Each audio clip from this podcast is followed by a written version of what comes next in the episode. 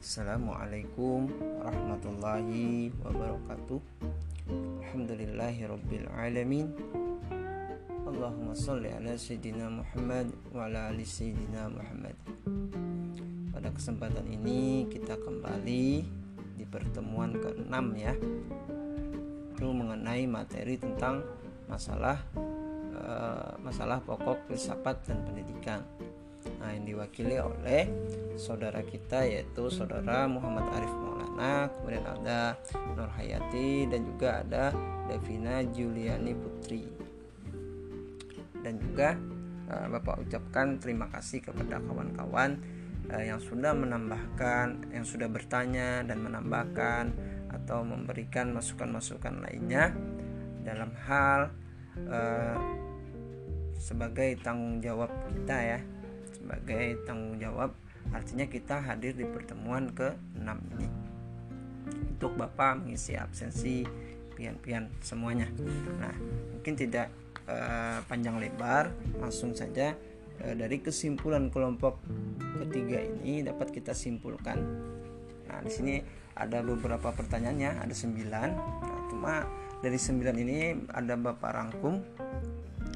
Uh, pertama itu dari pertanyaan Maulisa Husna perwakilan kelompok 7 kemudian ada Nur Hafiza kelompok 5 kemudian ada Rizka Azhara kelompok 2 dan Abdurrahman kelompok 1 nah ini dari keempat ini pertanyaannya itu menurut Bapak itu saling berhubungan, saling keterkaitan antara satu dengan yang lainnya. Nah, kemudian dapat Bapak simpulkan pertama itu dari pertanyaan Maulisa Husna, berikan contoh problem esensial pendidikan yang memerlukan analisa filsafat dalam memahami dan memecahkannya. Kemudian ada Nur Hafiza, berikan satu contoh pokok permasalahan filsafat yang berkaitan dengan pendidikan serta, cara penyelesaiannya. Nah, kemudian ada pertanyaan dari Rizka Azhara, apa saja pendekatan yang dilakukan untuk memecahkan masalah-masalah problematika pendidikan dalam filsafat. Nah, kemudian ada pertanyaan kelompok pertama yaitu saudara Abdurrahman di sini menanyakan apa saja hal yang menjadi dasar adanya permasalahan-permasalahan tersebut. Nah, nah di sini bisa kita simpulkan ya walaupun sudah dijawab juga oleh kawan-kawan artinya Bapak semuanya melihat jawabannya. Coba Bapak baca ya. Nah, artinya persoalan yang perlu kita ketahui setiap problem atau masalah itu artinya menuntut sebuah apa? Sebuah jawaban. Nah, artinya dalam dalam tataran individu jawaban atau problem dapat berdasar pada perspektif masing-masing. Nah seperti halnya ada kawan bertanya jadi jawaban pian tuh masing-masing. Entah ada yang ngutip dari internet atau apa itu urusan belakang tapi ada jawaban. Nah, jawabannya itu artinya ini ya berdasarkan perspektif atau pemikiran siswa mahasiswa masing-masing. Jawaban tidak selamanya mampu memuaskan para pihak yang menghadapi persoalan yang sama. Namun, e, ketika persoalan tersebut menjadi sebuah masalah, nah, maka ia menuntut kerjasama dan penyelesaiannya. Masalah harus mampu memuaskan kedua belah pihak agar kesenjangan dapat diminimalisir antara harapan dan kenyataan dan diharapkan mampu bersinergi atau bermuara pada solusi sehingga eh, apa dari jawaban tadi ada eh, dari persoalan tadi ada jawaban atau ada sebuah solusi. Nah kemudian eh, membaca di salah satu ini ya buku juga itu nama beliau itu adalah Jalaluddin Said nah, beliau menyatakan bahwa secara makro nah, apa yang menjadi objek filsafat yaitu ruang lingkup yang menjangkau permasalahan kehidupan manusia alam semesta dan manusia merupakan objek pemikiran filsafat pendidikan. Kemudian secara mikro yang menjadi objek pemikiran pemikiran atau ruang lingkup filsafat pendidikan. Nah, kemudian di sini uh, ada juga yang kita perlu ketahui ada beberapa. Yang pertama di sini yang mas uh, pendidikan tadi dari persoalan kita mencari jawaban. Nah, di sini juga pertama ada merumuskan secara tegas sifat hakikat pendidikan. Kemudian merumuskan sifat hakikat manusia sebagai subjek dan objek pendidikan kemudian ada merumuskan secara tegas hubungan antara filsafat, filsafat pendidikan, agama dan kebudayaan. Dan juga merumuskan hubungan antara filsafat, filsafat pendidikan dan teori pendidikan. Kemudian juga merumuskan hubungan antara filsafat negara, filsafat pendidikan dan politik pendidikan. Dan yang terakhir itu ada merumuskan sistem nilai norma atau isi moral pendidikan yang merupakan tujuan pendidikan. Nah, dengan demikian, ruang lingkup filsafat pendidikan di sini adalah masalah-masalah yang terdapat dalam kegiatan pendidikan, seperti masalah tujuan pendidikan, masalah guru, masalah kurikulum, masalah metode dan lingkungan. Nah, itu kan sebuah persoalan-persoalan. Nah, secara umum ruang lingkup pembahasan filsafat pendidikan di sini adalah pemikiran yang serba mendalam, mendasar, sistematis, terpadu, menyuluh dan universal mengenai konsep-konsep yang berkaitan dengan pendidikan. Persoalan-persoalan pendidikan berarti awal dari permasalahan pendidikan yang menuntut sebuah jawaban. Nah, dari hasil yang uh, pernah Bapak ini ya baca persoalan pendidikan dalam kajian filsafat. Nah, mungkin kita contoh ambil contohnya saja uh, filsafat Islam ya. Nah, kalau tidak salah nanti ada juga mata kuliah itu filsafat pendidikan Islam kalau kita ini filsafat pendidikan secara umum ya nah tapi tidak apalah kita uh, insya Allah kalau memang nanti ada pertemuan kembali. Itu ada mata kuliah yang mata kuliah lanjutan yaitu mata kuliah filsafat pendidikan. Pertama pengantar filsafat kemudian filsafat pendidikan kemudian ada nanti filsafat pendidikan Islam. Nah kalau di perguruan tinggi eh, apa di pasca sarjana itu ada uh, filsafat ilmu mata kuliah nama mata kuliahnya. Nah uh, dalam kajian filsafat Islam nah di sini ada tiga kategorisasi persoalan utama pertama itu apa yaitu pen, uh, persoalan pendidikan pada aspek ontologi dan epistemologi epistemologi dan itu ada aksiologi kita jelaskan satu-satu ya. Yang pertama persoalan ontologi pendidikan dalam kajian filsafat pendidikan Islam ya di sini ya. Nah, terbagi ada tiga persoalan. Pertama, pendidikan berislam yakni mengupayakan pembimbingan, pendidikan dan pembinaan dalam mengenal Islam secara keseluruhan kepada peserta didik. Pendidikan beriman yakni mengupayakan total totalitas ajaran Islam untuk ditanamkan kepada anak melalui keimanan Allah Subhanahu kepada apa keimanan kepada Allah Subhanahu wa taala dengan dasar-dasar iman, rukun Islam dan dasar-dasar syariah dan pendidikan berisan yakni menanamkan keyakinan, suasana hati dan perilaku peserta didik untuk senantiasa merasa dekat dengan Tuhan sehingga tindakannya sesuai dengan aturan Allah Subhanahu wa taala yang berpedoman yang berpedoman dengan Al-Qur'an dan hadis. Nah, kemudian ada persoalan epistemologi. Nah, ini juga masih dalam kajian Islam. Nah, proses pendidikan dalam tataran sistem pendidikan eh, yang ruang lingkupnya adalah tujuan pendidikan Islam, misalnya kurikulum pendidikan Islam, materi pendidikan Islam, metode pendidikan Islam, pendidik, peserta didik, sarana apa? sarana pendidikan, alat pendidikan dan pendekatan pendidikan Islam. Nah, itu persoalan epistemologi. Kemudian eh, persoalan aksiologi di sini menyangkut nilai-nilai tentang pendidikan Islam itu sendiri dengan maksud menguji dan mengintegrasikan semua nilai tersebut dalam kehidupan manusia, menjaga dan membina di dalam kepribadiannya baik yang bersifat spiritual maupun yang berwujud yang terbagi atas dua nilai utama yaitu nilai nilai ilahiyah dan nilai ihsaniyah. Nah, kemudian uh, pendekatan tadi ini juga sudah ini ya sebenarnya pendekatan itu sudah ada yang menjawabkan secara ini uh, apa sudah ada yang menjawabkan hanya pendekatan disebut pendekatannya saja. Nah, itu ada dikutip juga itu dari kawan-kawan dari blog ya atau jurnal yang mungkin ya. Nah di sini ada bapak tambahkan. Nah jadi yang pertama itu ada pendekatan spekulatif apa spekulatif. Kemudian ada pendekatan normatif, pendek, uh, pendekatan analisa dan pendekatan analisa ilmiah. Nah, ini ada yang disebut sudah terjawabkan juga sebenarnya. Nah, apa itu pendekatan secara spekulatif? Nah, pendekatan ini yaitu berarti memikirkan, mempertimbangkan juga membayangkan dan menggambarkan. Dengan teknik pendekatan ini dimaksudkan dalam memikirkan, pertimbangkan dan menggambarkan tentang sebuah objek untuk mencari mencari hakikat yang sebenarnya.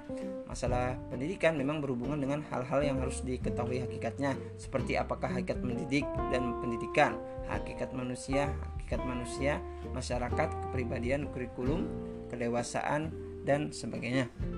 Kemudian ada pendekatan normatif. Nah, pendekatan normatif di sini yaitu nilai atau aturan dan ketentuan yang berlaku dan dijunjung tinggi dalam hidup dan kehidupan juga merupakan masalah kependidikan. Dengan pendekatan ini diharapkan untuk berusaha memahami memahami apa? Memahami nilai-nilai norma yang berlaku dalam hidup dan kehidupan manusia dalam proses kehidupan serta bagaimana hubungan nilai dan norma tersebut dengan pendidikan sehingga dapat dirumuskan petunjuk-petunjuk ke arah mana usaha pendidikan akan diarahkan. Nah, kemudian ada juga itu ada pendekatan analisa konsep. Nah, di sini uh, pengertian atau tanggapan seseorang terhadap suatu objek.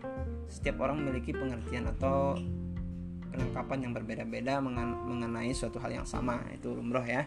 Nah, dengan pendekatan ini diharapkan untuk memahami konsep dari para ahli pendidikan misalnya tentang bagaimana masalah yang berhubungan dengan pendidikan. Nah, kemudian ada analisa ilmiah sasaran.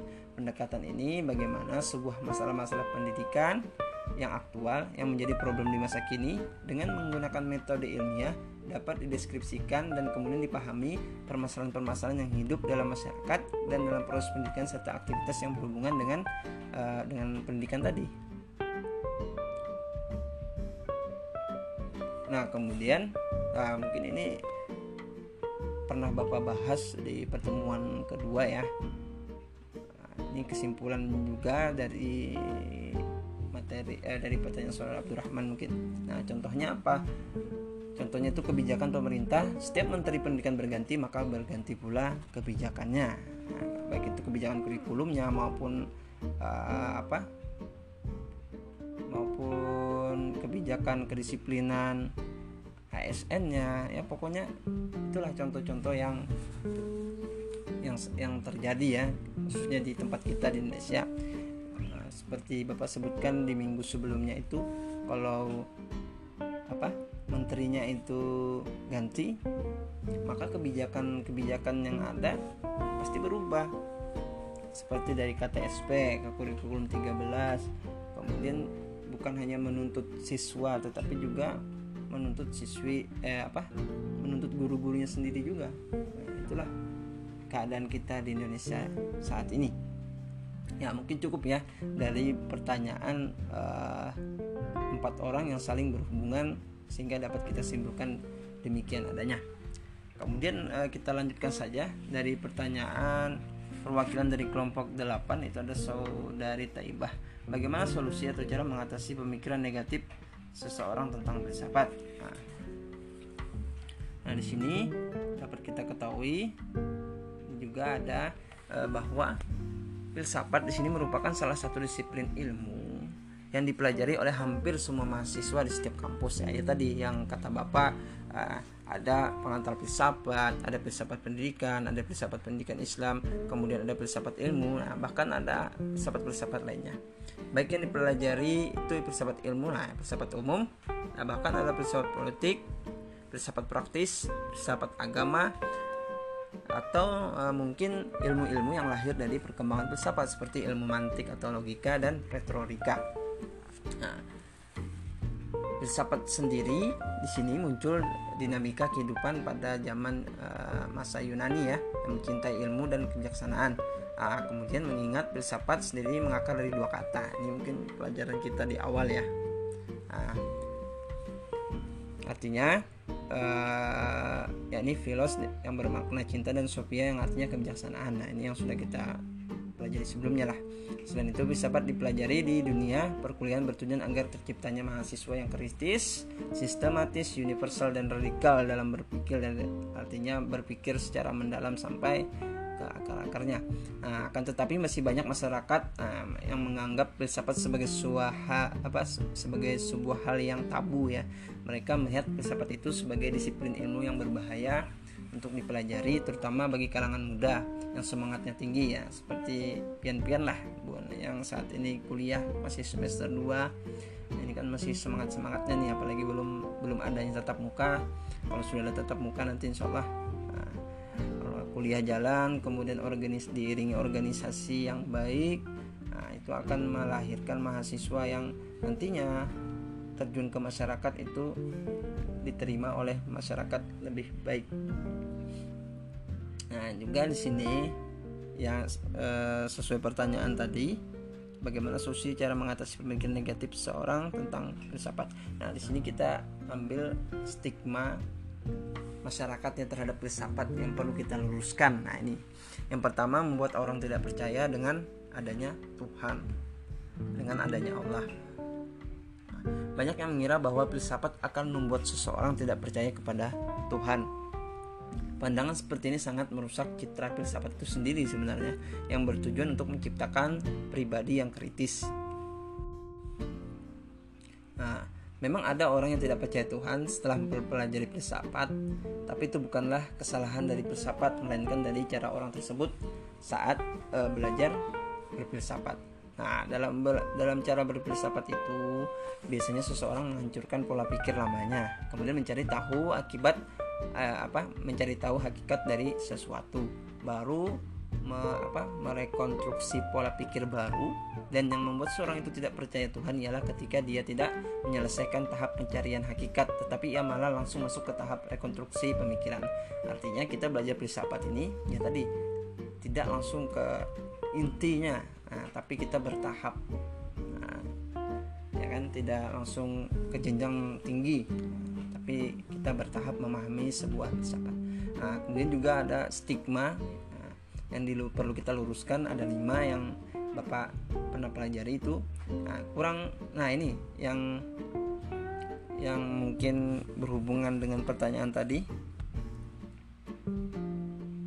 juga kurang bermanfaat untuk dipelajari. Nah, filsafat ada yang mengatakan kurang bermanfaat untuk dipelajari. Nah, perlu kita ketahui, masyarakat banyak yang menganggap juga bahwa ilmu yang bermanfaat itu ilmu yang bisa dirasakan dan diamati secara empirik ya.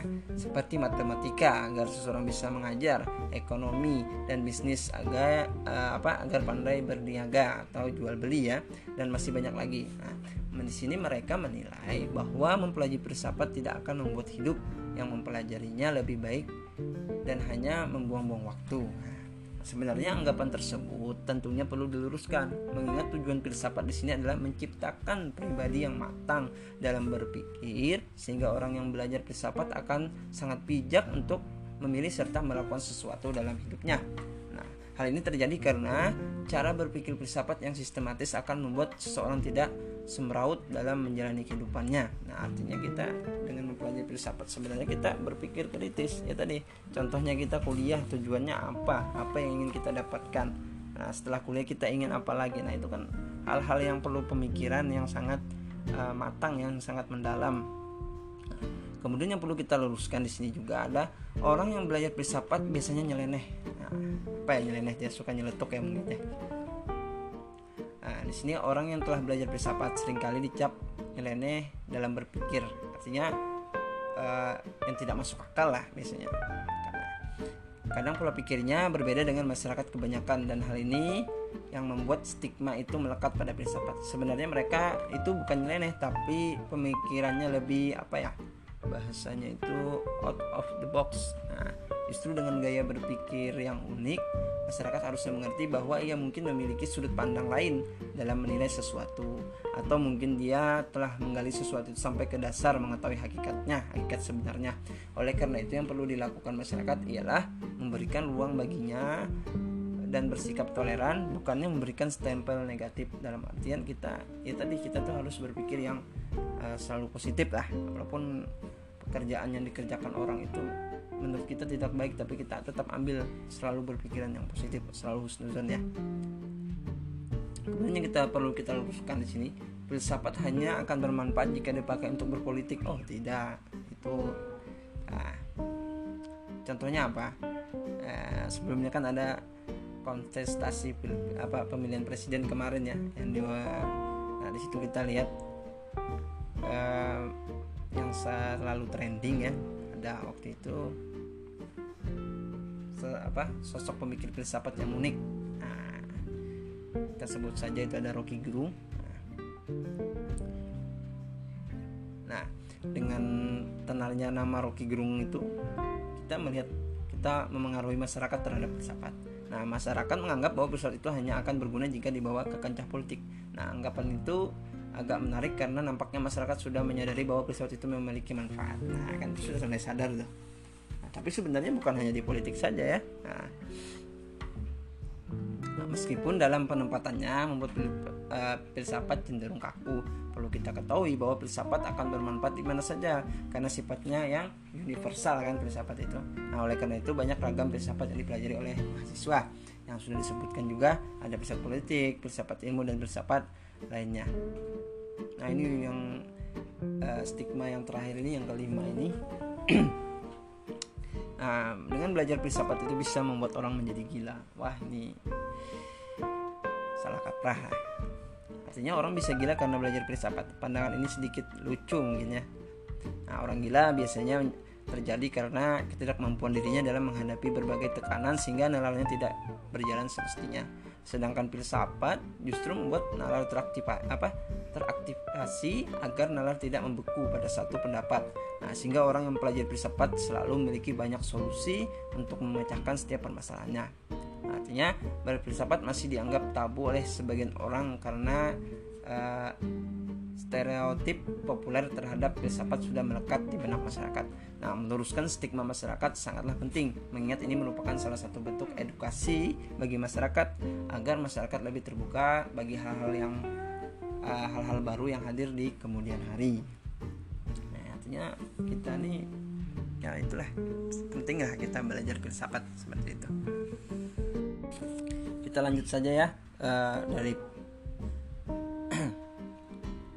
dari pertanyaan siapa nih? Kemudian uh, ada pertanyaan dari saudara Muhammad Ramadan ya dari kelompok 9 untuk mencapai tujuan pendidikan filsafat yang ideal apakah pendidikan filsafat yang diutamakan yang relevan dengan pembinaan kepribadian sehingga cakap memangku sebuah uh, suatu jabatan di masyarakat? Nah ini pernah bapak baca nih pertanyaannya ini ya di salah satu uh, blog nah mungkin seperti ini. Yang dimaksud pertanyaannya itu uh, semua orang pasti setuju jika pendidikan ya merupakan hal yang sangat penting. Untuk membantu seorang mencapai kesuksesannya meskipun sebenarnya pendidikan bukanlah salah, uh, bukanlah satu-satunya hal yang menentukan keberhasilan tersebut. Nah, Kepandaian tanpa pembentukan karakter yang baik hanya menghasilkan sebuah ijazah, namun tidak menghasilkan generasi yang berbudi luhur. Nah, saat ini banyak banyak anak-anak yang sudah menempuh pendidikan sejak usia dini bahkan sejak umur mereka masih 2 atau 3 tahun. Nah, meskipun begitu, pendidikan formal sebenarnya baru dimulai di sekolah dasar atau sekolah SD ya. Ketika anak berumur 7 tahun, nah Seketika di sekolah dasar anak-anak dilajari ilmu-ilmu dasar seperti apa? Seperti membaca, menulis, dan berhitung. Kemudian kurikulum yang dibentuk dari pendidikan di SD pun cenderung ringan karena anak usia SD eh, semestinya tidak hanya difokuskan untuk belajar namun juga bermain. Kemudian masalah dasar pendidikan uh, adalah kaburnya tujuan pendidikan. Hal ini menyebabkan isi dan metode pendidikan terkadang tidak tepat karena tujuan pendidikan yang tidak jelas. Tujuan pendidikan sebenarnya sangat berguna untuk menentukan ke arah mana seorang belajar uh, apa seorang pelajar akan dibawa. Kemudian juga pendidikan juga memiliki fungsi-fungsi lain antara lain apa? Pendidikan sebagai penegak nilai. Artinya di sini pendidikan memiliki peran yang penting untuk menjaga nilai-nilai dalam masyarakat. Kemudian ada pendidikan sebagai pengembang masyarakat. Artinya pendidikan berpesa, apa, berperan dalam meningkatkan mutu dan kualitas ilmu masyarakat. Dan juga ada pendidikan sebagai upaya mengembangkan potensi manusia. Artinya pendidikan berperan untuk menciptakan generasi penerus bangsa yang berbudi luhur. Mungkin itu yang bisa Bapak simpulkan dari pertanyaan saudara Muhammad Ramadan, perwakilan dari kelompok 9. Nah, kemudian itu ada uh, pertanyaan dari saudara dari Nafisa ya perwakilan kelompok 10 ini Bapak Acak ya sini menanyakan pemikiran kefilsafatan harus bersifat sistematis. Wah contohnya apa ya? Nah sebenarnya berpikir sistematis di sini nah, dan analisis ya. Artinya ciri berpikir filsafat selalu berpikir apa berpikir logis atau terstruktur dan teratur berdasarkan hukum berpikir yang benar. Nah, pemikiran filsafat tidak hanya melepaskan atau menjajarkan ide-ide, penalaran dan kreativitas secara serampangan atau bahasanya itu sporadis. Nah, justru pemikiran filsafat selalu berusaha mengklarifikasi atau menggolong-golongkan atau me, apa mensintesa atau mengkomplikasi atau meng, mengakumulasikan serta menunjukkan makna terdalam dari pikiran, merangkai dan menyusunnya dengan kata atau pergantian kalimat atau keputusan dan pembuktian atau konklusi melalui sistem-sistem penalaran yang tepat dan benar. Nah, pemikiran filsafat selalu bergerak selangkah demi selangkah dengan penuh kesadaran atau pengujian diri yang berusaha untuk mendukung kejelasan isi dan makna secara terstruktur dengan penuh kematangan dalam urutan prosedur atau langkah berpikir yang tertib uh, bertanggung jawab dan saling berhubungan secara secara teratur. Nah, contoh membuat suatu penelitian, ya kan? Atau kita berkuliah, itu kan ada jenjang-jenjangnya. Penelitian itu bagaimana latar belakangnya, rumusan masalahnya sampai menghasilkan sebuah kesimpulan. Nah, begitu juga kuliah. Kita kuliah semester 1, semester 2 sampai kita melakukan penelitian, kemudian kita ini apa? uji proposal, uji sidang dan juga terakhir kita mendapatkan ijazah atau sudah tadi ya. Nah, itu kan artinya uh, ini prosedurnya secara teratur seperti itu. Nah, kemudian selanjutnya juga ada pertanyaan dari saudari Sipa Halisa menanyakan apa pertanyaannya ya? Adakah contoh pemikiran yang bukan berfilsafat? Nah, mungkin di sini sudah jelas ya contohnya yang di uh, disampaikan kawan-kawan di Google Classroom itu. Mungkin langsung ke apa pertanyaan terakhir ya. Dari saudara Muhammad Rafli Firmansa perwakilan dari kelompok apa nih? Kelompok 4 menanyakan apakah ada perbedaan antara masalah pokok filsafat pendidikan dengan masalah pokok filsafat Islam dan pendidikan Islam? Mungkin lebih tepatnya filsafat pendidikan dengan masa, uh, filsafat pendidikan Islam. Nah kita perlu kita ketahui di sini filsafat pendidikan dari dari ini saja sudah berbeda ya dari apa penjelasan ininya. Filsafat pendidikan adalah ilmu pengetahuan normatif dalam bidang pendidikan merumuskan kaidah-kaidah, norma-norma dan atau ukuran tingkah laku perbuatan yang sebenarnya dilaksanakan oleh manusia dalam hidup dan kehidupannya. Nah, sedangkan Filsafat pendidikan Islam di sini merupakan kajian filosofis mengenai berbagai masalah pendidikan yang berlandaskan ajaran Islam. Kajian filosofis digunakan dalam filsafat pendidikan Islam artinya merupakan pemikiran pemikiran secara mendalam, sistematis, radikal dan universal dalam mencari kebenaran inti atau hakikat kependidikan Islam. Nah, artinya kita sebenarnya ingin membedakan sudah jelas sebenarnya perbedaannya dari kata-katanya kan filsafat pendidikan dan filsafat pendidikan Islam. Nah, ada perbedaan di akhir kata itu ada Islamnya. Berarti kan ini lebih ke ini ya, Islam. Nah, sedangkan yang filsafat pendidikan sendiri itu lebih ke umum. Nah, kemudian kita lihat lagi perbedaannya di antara ruang lingkupnya. Ruang lingkup filsafat pendidikan di sini adalah semua aspek yang berhubungan dengan upaya manusia untuk mengerti dan memahami hakikat pendidikan itu sendiri yang berhubungan dengan bagaimana pelaksanaan pendidikan yang baik dan bagaimana tujuan pendidikan itu dapat dicapai seperti yang dicita-citakan. Nah, eh, sedangkan ruang lingkup filsafat pendidikan Islam di sini Mempelajari filsafat pendidikan Islam berarti memasuki arena pemikiran yang mendasar sistematik, logis, dan menyeluruh atau universal tentang pendidikan yang tidak hanya dilatar belakangi oleh pengetahuan agama Islam saja, melainkan menuntut kita untuk mempelajari ilmu-ilmu lain yang relevan. Nah, pendapat ini memberi petunjuk bahwa uh, ruang lingkup filsafat pendidikan Islam adalah masalah-masalah yang terdapat dalam kegiatan pendidikan seperti masalah tujuan pendidikan, masalah guru, kurikulum, metode dan lingkungan. Sebenarnya antara filsafat pendidikan dan filsafat pendidikan Islam ini ya saling berhubungan juga. Tidak jauh lah. Cuma kan kita karena ada kata-kata Islamnya itu sehingga uh, ada sebuah perbedaan sehingga timbullah sebuah pertanyaan yang seperti yang disampaikan uh, Muhammad Rapli Primansa perwakilan dari kelompok 4 ya mungkin uh, cukup dari Bapak ya. Sekali lagi Bapak ucapkan terima kasih kepada pemateri kelompok 3 dan juga eh, kawan-kawan uh, yang sudah menambahkan eh, yang sudah bertanya dan menambahkan dan juga memberikan tanggapan hal lainnya sebagai pertanggungjawaban untuk mengisi absensi ya. Ya, mungkin cukup dari Bapak. Kita cukupkan dengan sama-sama mengucapkan alhamdulillah, alhamdulillahirabbil alamin. Wabillahi taufiq wal hidayah. Wassalamualaikum warahmatullahi wabarakatuh.